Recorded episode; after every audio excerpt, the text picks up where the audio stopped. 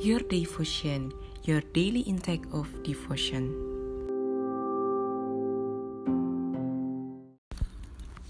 Hai, kembali lagi di podcast Your Devotion. Jadi di episode kali ini kita akan bahas tentang kasih Tuhan Yesus.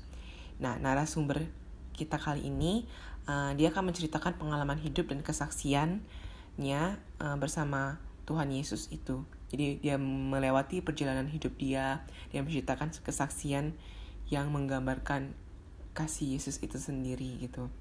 Nah, nama narasumbernya itu Miss Lucy. Ya, dia merupakan rekan kerja aku. Jadi kalau kita um, makan siang, uh, kita suka diskusi tentang kekristenan. Dan aku rasa sendiri waktu aku dengerin Miss Lucy uh, cerita itu aku ngerasa Tuhan Yesus tuh um, hadir gitu loh. Dia um, dengan cerita yang aku dengerin itu merefleksi ke pengalaman diri aku sendiri. Jadi aku sadar oh Tuhan Yesus tuh gini ya. Banyak hal-hal pemikiran yang awalnya aku gak kepikir sebelumnya jadi kepikir karena aku mendengarkan cerita dari Miss Lucy. Dan semoga uh, ketika kalian dengerin ini juga apa yang aku rasain juga uh, bisa terjadi di kalian. Jadi, kalian harus dengar sampai habis ya. Yuk, kita mulai. Halo Miss, pagi. Pagi, salam. Shalom. Apa kabar Miss Lucy, sekeluarga sehat-sehat? Sehat, puji Tuhan. Luar biasa ya Miss. Luar biasa. Mana Desi? Desi juga luar biasa ya. Kita selalu luar biasa Selalu ya. Luar biasa Miss. Meskipun banyak numpuk kerjaan atau weekend ini mungkin masih Oh. sibuk kan, tetap kita luar biasa sehat. Makasih ya Miss udah luangin waktu di weekend ini untuk ngobrol di podcast ini ya. Jadi, jadi aku ceritain profil singkat Miss Lucy dulu aja ya. Tuh, Oke, ke waduh deg-degan. Apa nih profil singkatnya? Ini profil singkat Miss Lucy ini ya kita tadi ketemu teman sekantor. Jadi wanita Miss Lucy ini wanita karir ya di sekolah salah satu sekolah private school internasional sebagai head of facility. jadi bisa diceritain lebih dalam Miss gimana kerjaan sehari-hari jadi head of facility itu job desk-nya gitu. Kalau facility ya, kalau facility itu kan benda yang tidak ber, eh, ada yang bergerak, ada yang tidak bergerak, dan itu kita sering gunakan. Ada yang tanggung jawab, tidak tanggung jawab. Jadi terus membawahi staff lainnya kayak janitor. Ya itu ada eh, suka dukanya aja sih, sama seperti pekerjaan lainnya. Ya sebuah tantangan aja sih dari dari dari awal untuk mengorder sampai kemudian ada untuk maintenance-nya. Juga sama dengan apa namanya eh, kerjasama dengan staff ya sama aja sih. Budgeting kan juga kan di budgeting.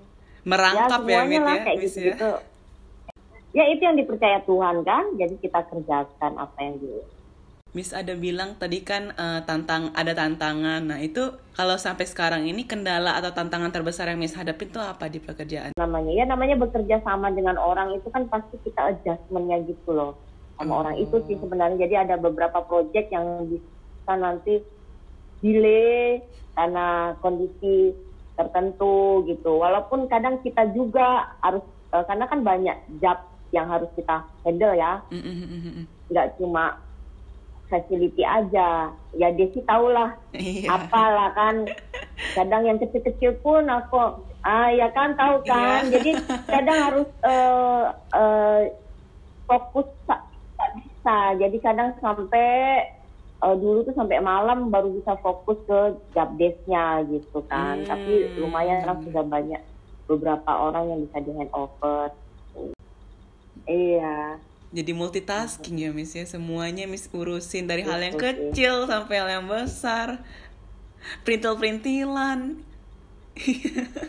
namanya ya di dunia kan tidak ada yang kebetulan kan Mm-mm. jadi mamanya tiba-tiba tahu orang lagi butuh apa ya dibantu diselesaikan pas lewat atau apa dibantu diselesaikan dikasih solusi seperti itu Hmm. lebih suka nggak suka kalau bisa kita kasih solusi kita kasih solusi kan Nah, mis berarti kalau misalnya uh, kan ada tantangan sama kendala juga dan pastinya kalau kita dalam bekerja dalam kelompok tuh pasti ada yang berbuat salah kayak tempat yang berbuat salah ini itu kan sampai miss yang harus take over kerjaannya terkadang. Nah, mm. gimana cara miss tuh menunjukkan sifat mengasihi itu ke mereka? Mm. Mungkin dengan cara mengampuni itu sampai berapa kali atau apa? Jadi supaya uh, menunjukkan kasih Tuhan itu yang nggak terbatas gitu. Tapi kan kita sebagai manusia terbatas tuh gimana mesti bisa berlapang dada gitu untuk oke okay, aku maafin iya. lagi aku ya, namanya lagi. Uh -uh. Uh, kalau uh, mengenai kasih ya mm -mm.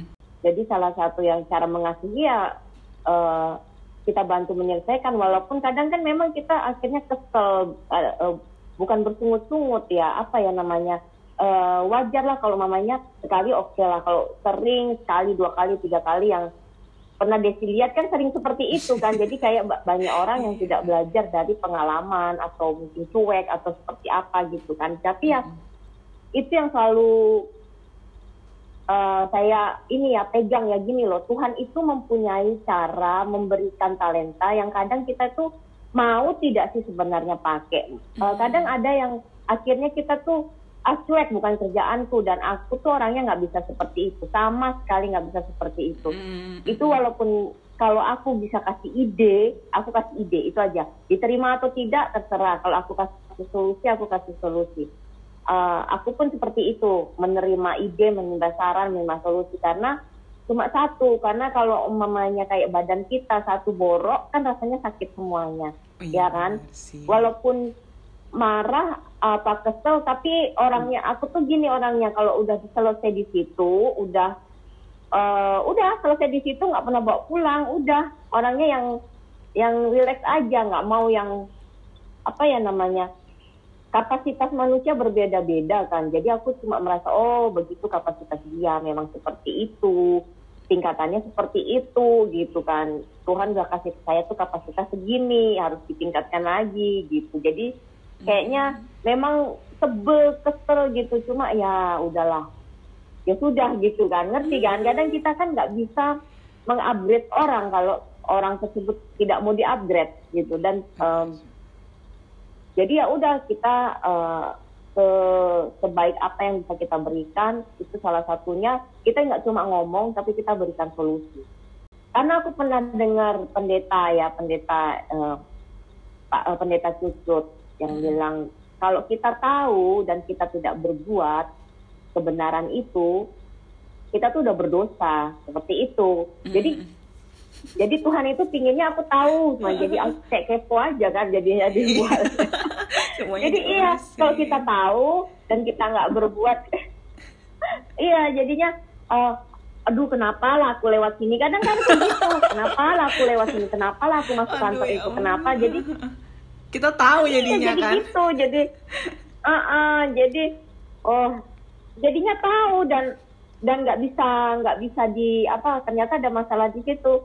Dan aku tahu juga solusinya gitu loh. Aku uh, tahu juga solusinya bagaimana. Jadi nggak bisa aku pergi aja uh, aku harus stop dan bantu seperti itu sih. Tapi gimana ya Miss? Ya maksudnya kan Miss punya kesadaran yang lebih lah gitu dibandingkan mungkin orang-orang di sekitar Miss ya.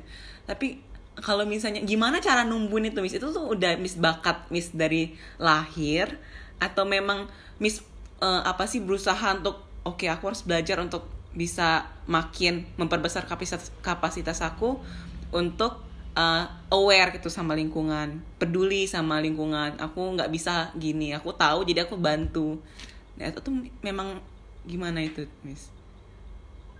Oh. Uh, uh, tidak pernah punya rencana aku harus uh, upgrade, aku harus bantu. Tidak pernah punya rencana seperti itu. Mm-hmm. Cuma itu berjalan. Gak tahu rasanya hati ini kalau mamanya tahu sesuatu yang gak bayi atau ada suatu masalah selama bisa kita bantu ya kita bantu. Itu aja uh, dan satu satu dari dulu sih. Mm-hmm. satu uh, kita kan orang Kristen nih gitu mm-hmm. kan. Jadi dari dulu sih ibu sama bapakku tuh selalu bilang orang Kristen tuh pasti disorot nih, sorot banget. Apa pun yang di apa pun yang kamu lakukan pasti disorot kalau mamanya. Uh, jadi akan apa ya umumnya kita uh, bisa mengasihi orang dengan cara kita aku kan orangnya nggak suka muluk-muluk kan apa yang bisa dilakukan dilakukan aja. Dan salah satunya kita bisa menyelesaikan masalah orang walaupun seder, dari sederhana sekali gitu kan. Jadi uh, dari awal itu dari awal uh, aku uh, tidak pernah dari awal aku kerja aku tidak pernah minta gaji yang berlebihan. Aku uh, selalu uh, secukupnya aja. Maksudnya aku nggak pernah offer yang bagaimana-bagaimana. Mm-hmm. Jadi mereka seperti apa, aku offer begini ya sudah. Terus kemudian aku uh, aku selalu bilang aku kerja sebaik mungkin bukan karena akan dilihat bos, tapi dilihat Tuhan. Jadi yang aku lihat di sini yang aku bawa sampai uh, punya anak itu selalu integrity. Semoga aku juga bisa bawa integrity itu kan. Jadi aku mm -hmm. cuma mau melihatkan bahwa kita orang Kristen ini harus berbeda. Kita membantu orang memberi solusi uh, bukan dari sekedar penampilan kita yang baik dilihat, enak dilihat aja, tapi dari kerja kita seperti itu. Jadi, hmm. Hmm, jadi aku merasa yang uh, orang akan lihat siapa sih gitu di balik itu uh, bagaimanapun mereka akan melihat siapa sih uh, Miss Lucy itu bukan dalam arti Miss Lucy itu uh, secara pribadi, tapi siapa yang dia imani gitu. Mm. Kalau aku begitu, jadi aku kerja untuk Tuhan. Walaupun aku bukan yang superstar sekali, cuma orang yang biasa-biasa aja berusaha untuk menyelesaikan hal-hal yang di lingkunganku sendiri, uh, sendiri gitu lah. Aku bukan yang jadi nggak aku bukan orang yang pintar, aku bukan orang yang cerdas, aku bukan orang yang luar biasa tapi Tuhan yang buat aku menjadi luar biasa. Kenapa? Banyak hal.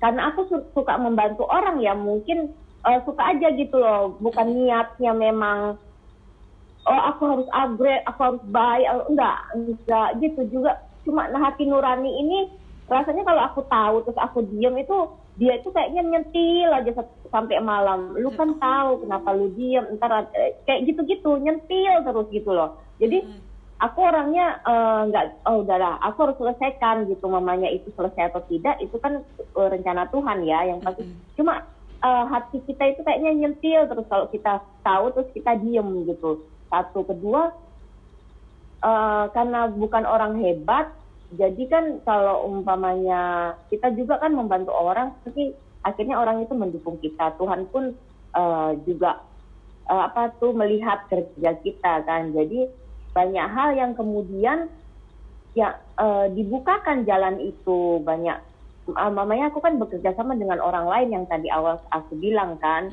uh, dari proses dari proses uh, untuk dari awal untuk pembelian barang atau project itu kan aku bekerja sama orang sama orang lain kan. Jadi dan itu kan kadang ada due date-nya gitu. Jadi Tuhan membuka jalan uh, meng, apa ya uh, yang harusnya susah banget kadang kalau udah date-nya kadang cuma dua hari ada aja yang bantuin gitu loh jadi banyak miracle yang happen gitu ya yang terjadi dalam hidup yang kemudian itulah mungkin salah satu karena kita sudah membuka jalan solusi sama orang mm -hmm. jadi kita dibukakan solusi-solusi itu juga sama Tuhan gitu. jadi intinya bukan untuk upgrade diri cuma kadang kita disentil-sentil terus uh, hati kita tuh kayaknya lu tahu lu uh, nggak damai ya miss ya?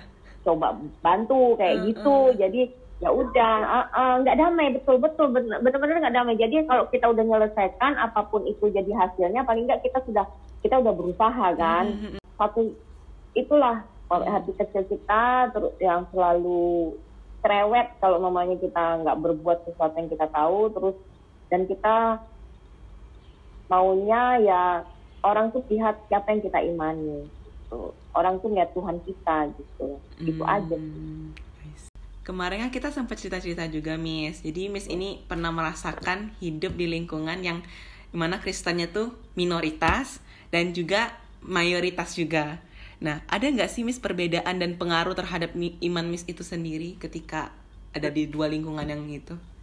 Uh, dari kecil ya dari uh, sejak SD sih tepatnya waktu masuk ke minoritas ya kekristenan itu menjadi minoritas itu uh, luar biasa kita untuk beribadah ya. Mau jauh-jauh pun kita semangat banget jalan. Waktu itu masih uh, sekolah minggu pun luar biasa semangat untuk apa uh, ke gerejanya. Karena uh, satu satu uh, di beberapa daerah kan cuma jarang sekali gitu kan Mm-mm. Cuma ada beberapa aja, kadang bermeter-meter, jauhnya berkilo-kilometer, cuma satu gereja gitu kan. Jadi uh, waktu rumahnya masih jauh banget, jauh banget. Aduh, mungkin setengah jam perjalanan lebih gitu kan. Bapak itu, bapak saya itu uh, waktu itu cuma punya motor, anaknya ada empat. Jadi dia bolak-balik itu coba uh, untuk sekolah minggu anaknya yang dua ini dulu kan. Sekolah minggu semuanya dibawa dari rumah ke gereja, naik motor. Terus pokoknya setiap minggu itu tidak pernah ada habisnya kami ke gereja walaupun dengan tantangan-tantangan seperti itu dan pada saat di sekolah pun dari ratusan siswa cuma mungkin 10 uh, yang Kristen seperti itu. Jadi kami uh, belajar uh, belajar agamanya cuma hari Jumat itu pun uh, setelah pulang sekolah. Dulu kan pulang sekolah kan siang ya, nggak yeah. kayak sekarang kita kan pulang sekolahnya jam 4 kayak gitu ya. Udah nggak ada orang, jadi kami pakai salah satu diizinkan pakai uh, pakai salah satu kelas di situ.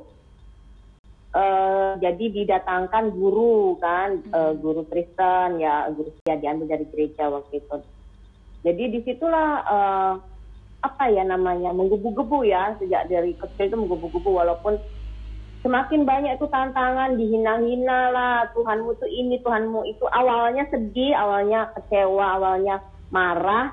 Cuma uh, cuma uh, waktu itu saya sampai ingat sampai sekarang waktu tanya kan uh, pulang sekolah itu karena waktu itu perjalanan saya dihina di jalan kan oh Tuhan Yesus begitulah pakai kolor lah begini begono gitu kan saya cuma jalan jadi sepanjang jalan itu dihina-hina gitu kan jadi sedih kan sampai rumah nangis terus mbak eh, mbak saya tuh kenapa kamu nangis? gitu.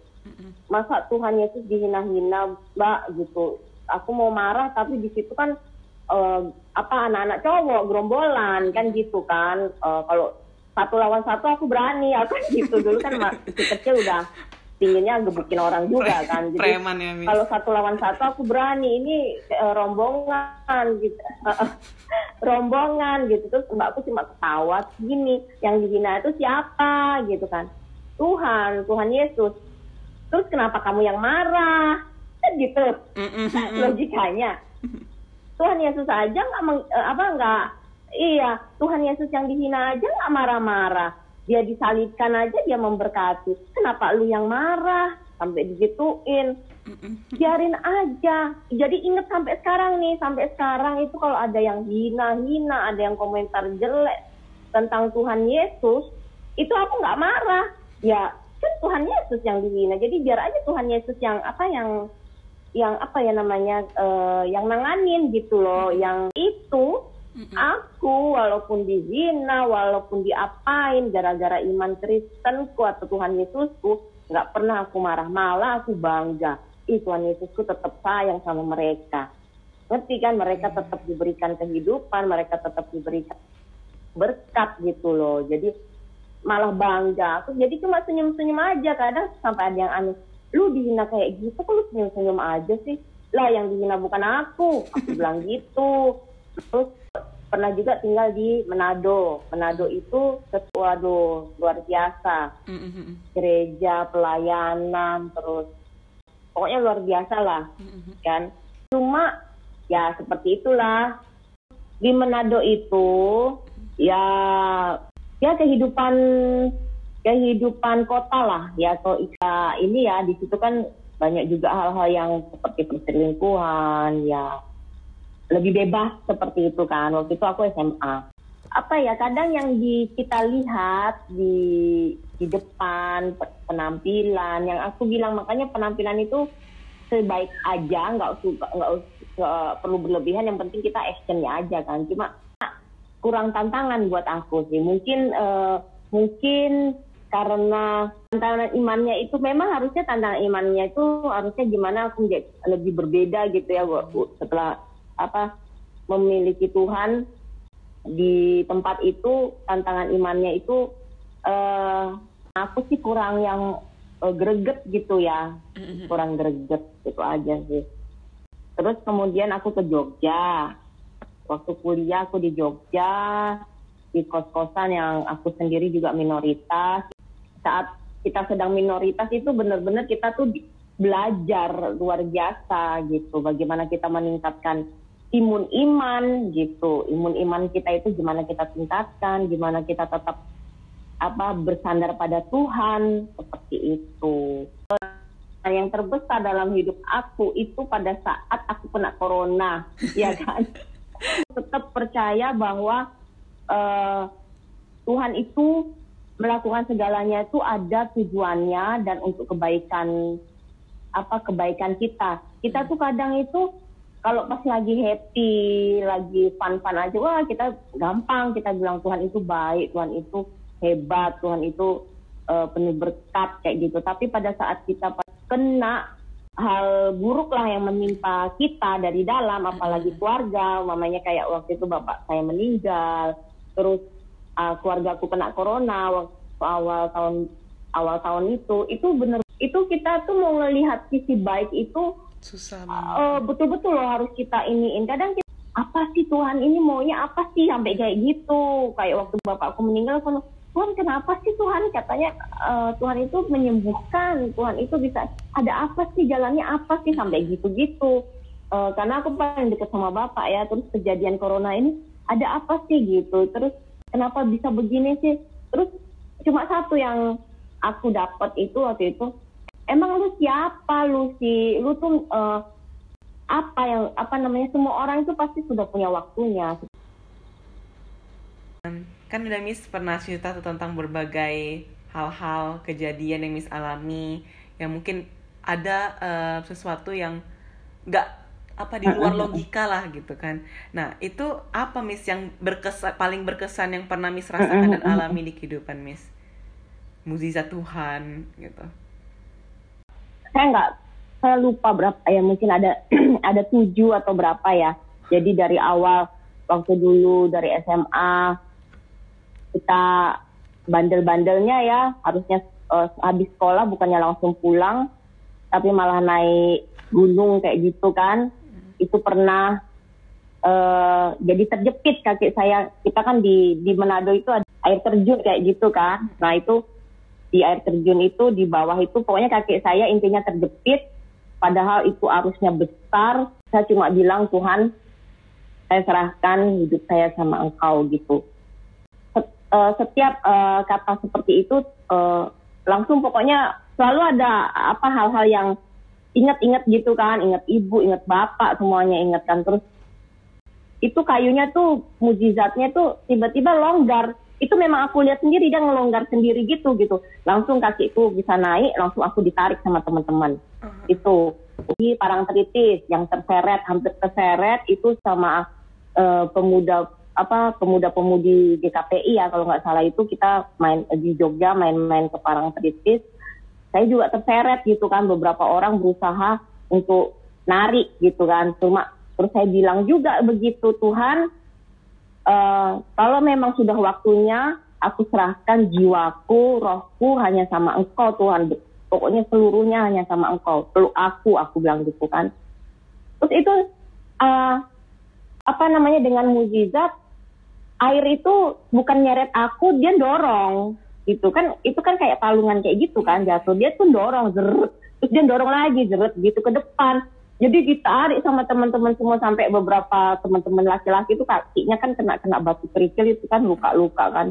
Lari langsung narik gitu kan itu. Mm-hmm. terus ada beberapa lagi naik motor dari karena kuliah.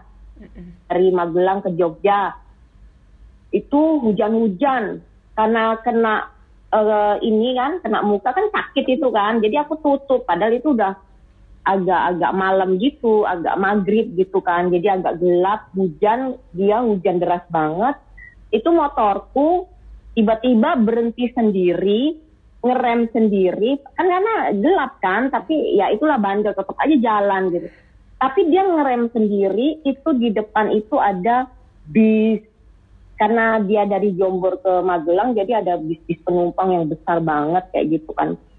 Nah itu aku ngerem pas di pantap bis itu gitu. Jadi nggak aku brek nggak aku teman. Dia ngerem gitu kok ngerem gitu kan. Dengan mesin yang hidup gitu kan ngerem gitu. Terus ternyata apa tuh namanya uh, bis di depanku. Ih, puji Tuhan. Hal-hal mirip lagi yang aku bilang, kita kalau latihan di KPI itu uh, latihan untuk hari Minggunya kita apa ada uh, kur gitu kan isi acara untuk gereja.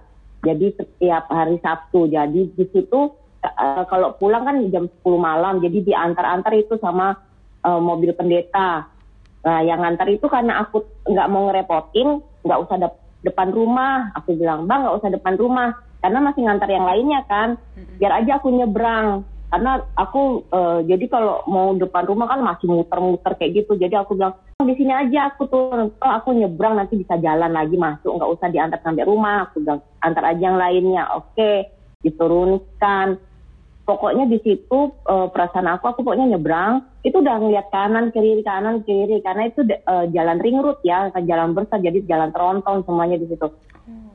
Aku tuh udah ngeliat bener-bener dan memang tidak tidak ada dengar apa-apa dan tidak lihat apa-apa.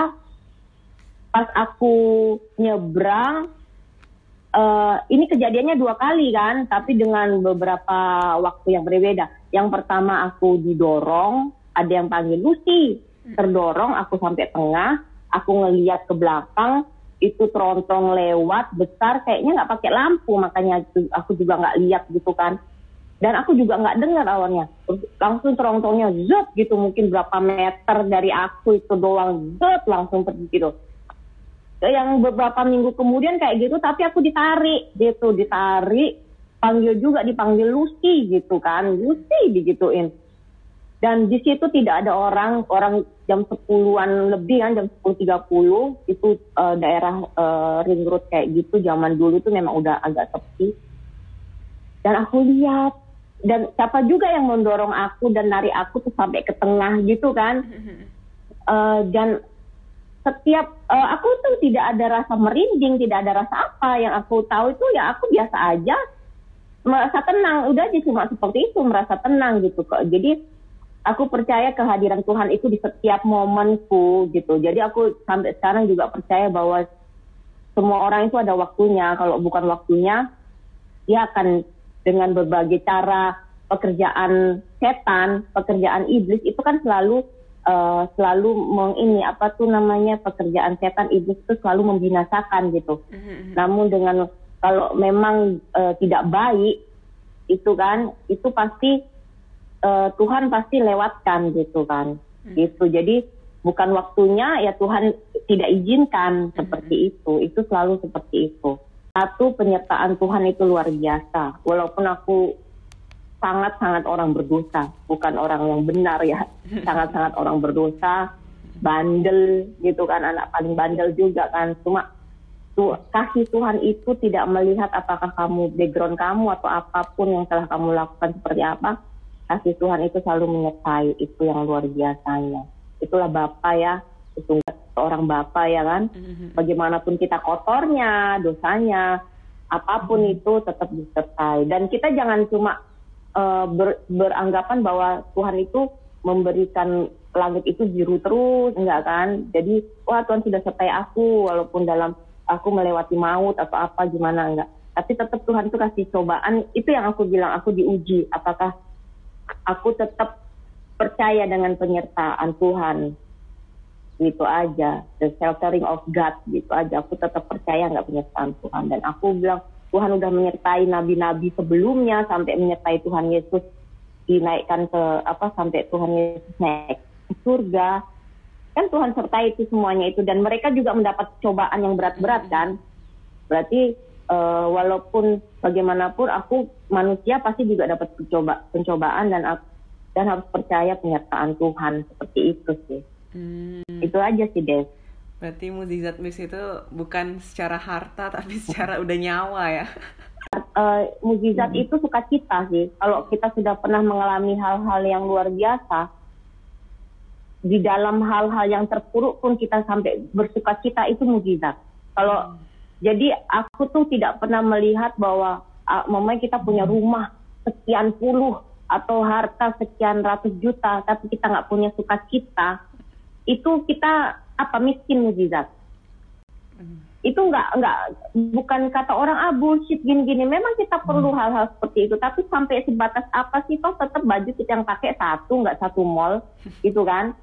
Iya jadi uh, apa ya karena aku iya. karena aku sudah merasakan hal yang apa ya namanya mungkin uh, penderitaan orang masing-masing ya levelnya masing-masing ya aku bukan apa-apa tapi aku merasa bahwa kalau kita tetap suka cita di dalam penderitaan atau kita suka cita dalam hidup apa dalam pekerjaan itu menurut aku mujizat. Setiap hari aja kita bisa kamu tahu kan namanya aku dari rumahku ke ke kantor aja itu kan banyak tronton itu kan. Iya.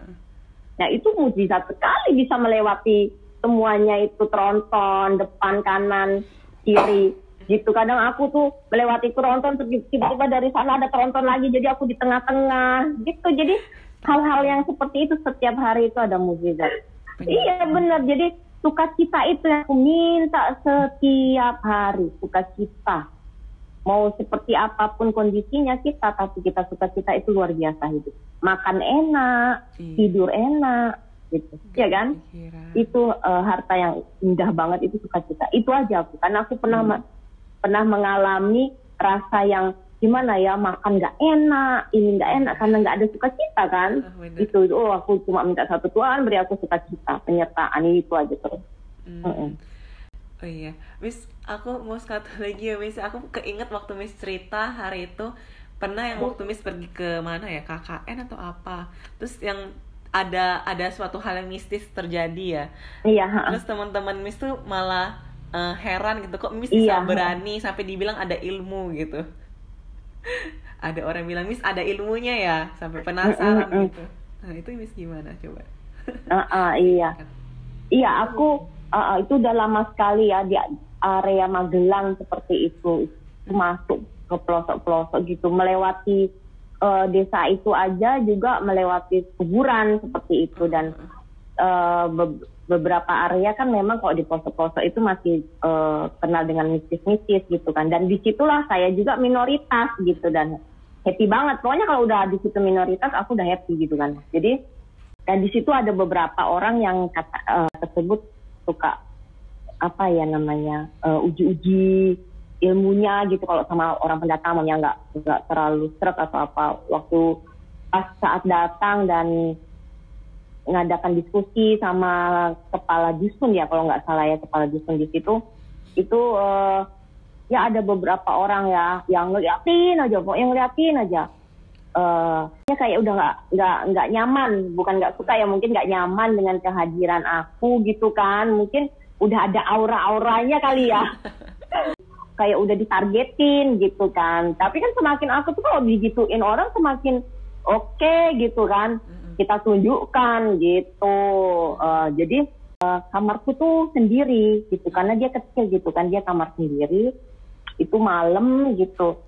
Itu di jendela itu kayak ada lemparan kerikil gitu pokoknya bunyi kok lemparan kerikil terus kayak gitu uh, uh, jam-jam berapa ya agak agak dini hari gitu kan kayak ada yang jatuh tapi kayak pasir-pasir seperti itu cuma datang lagi kan kan nggak dikonversikan kan.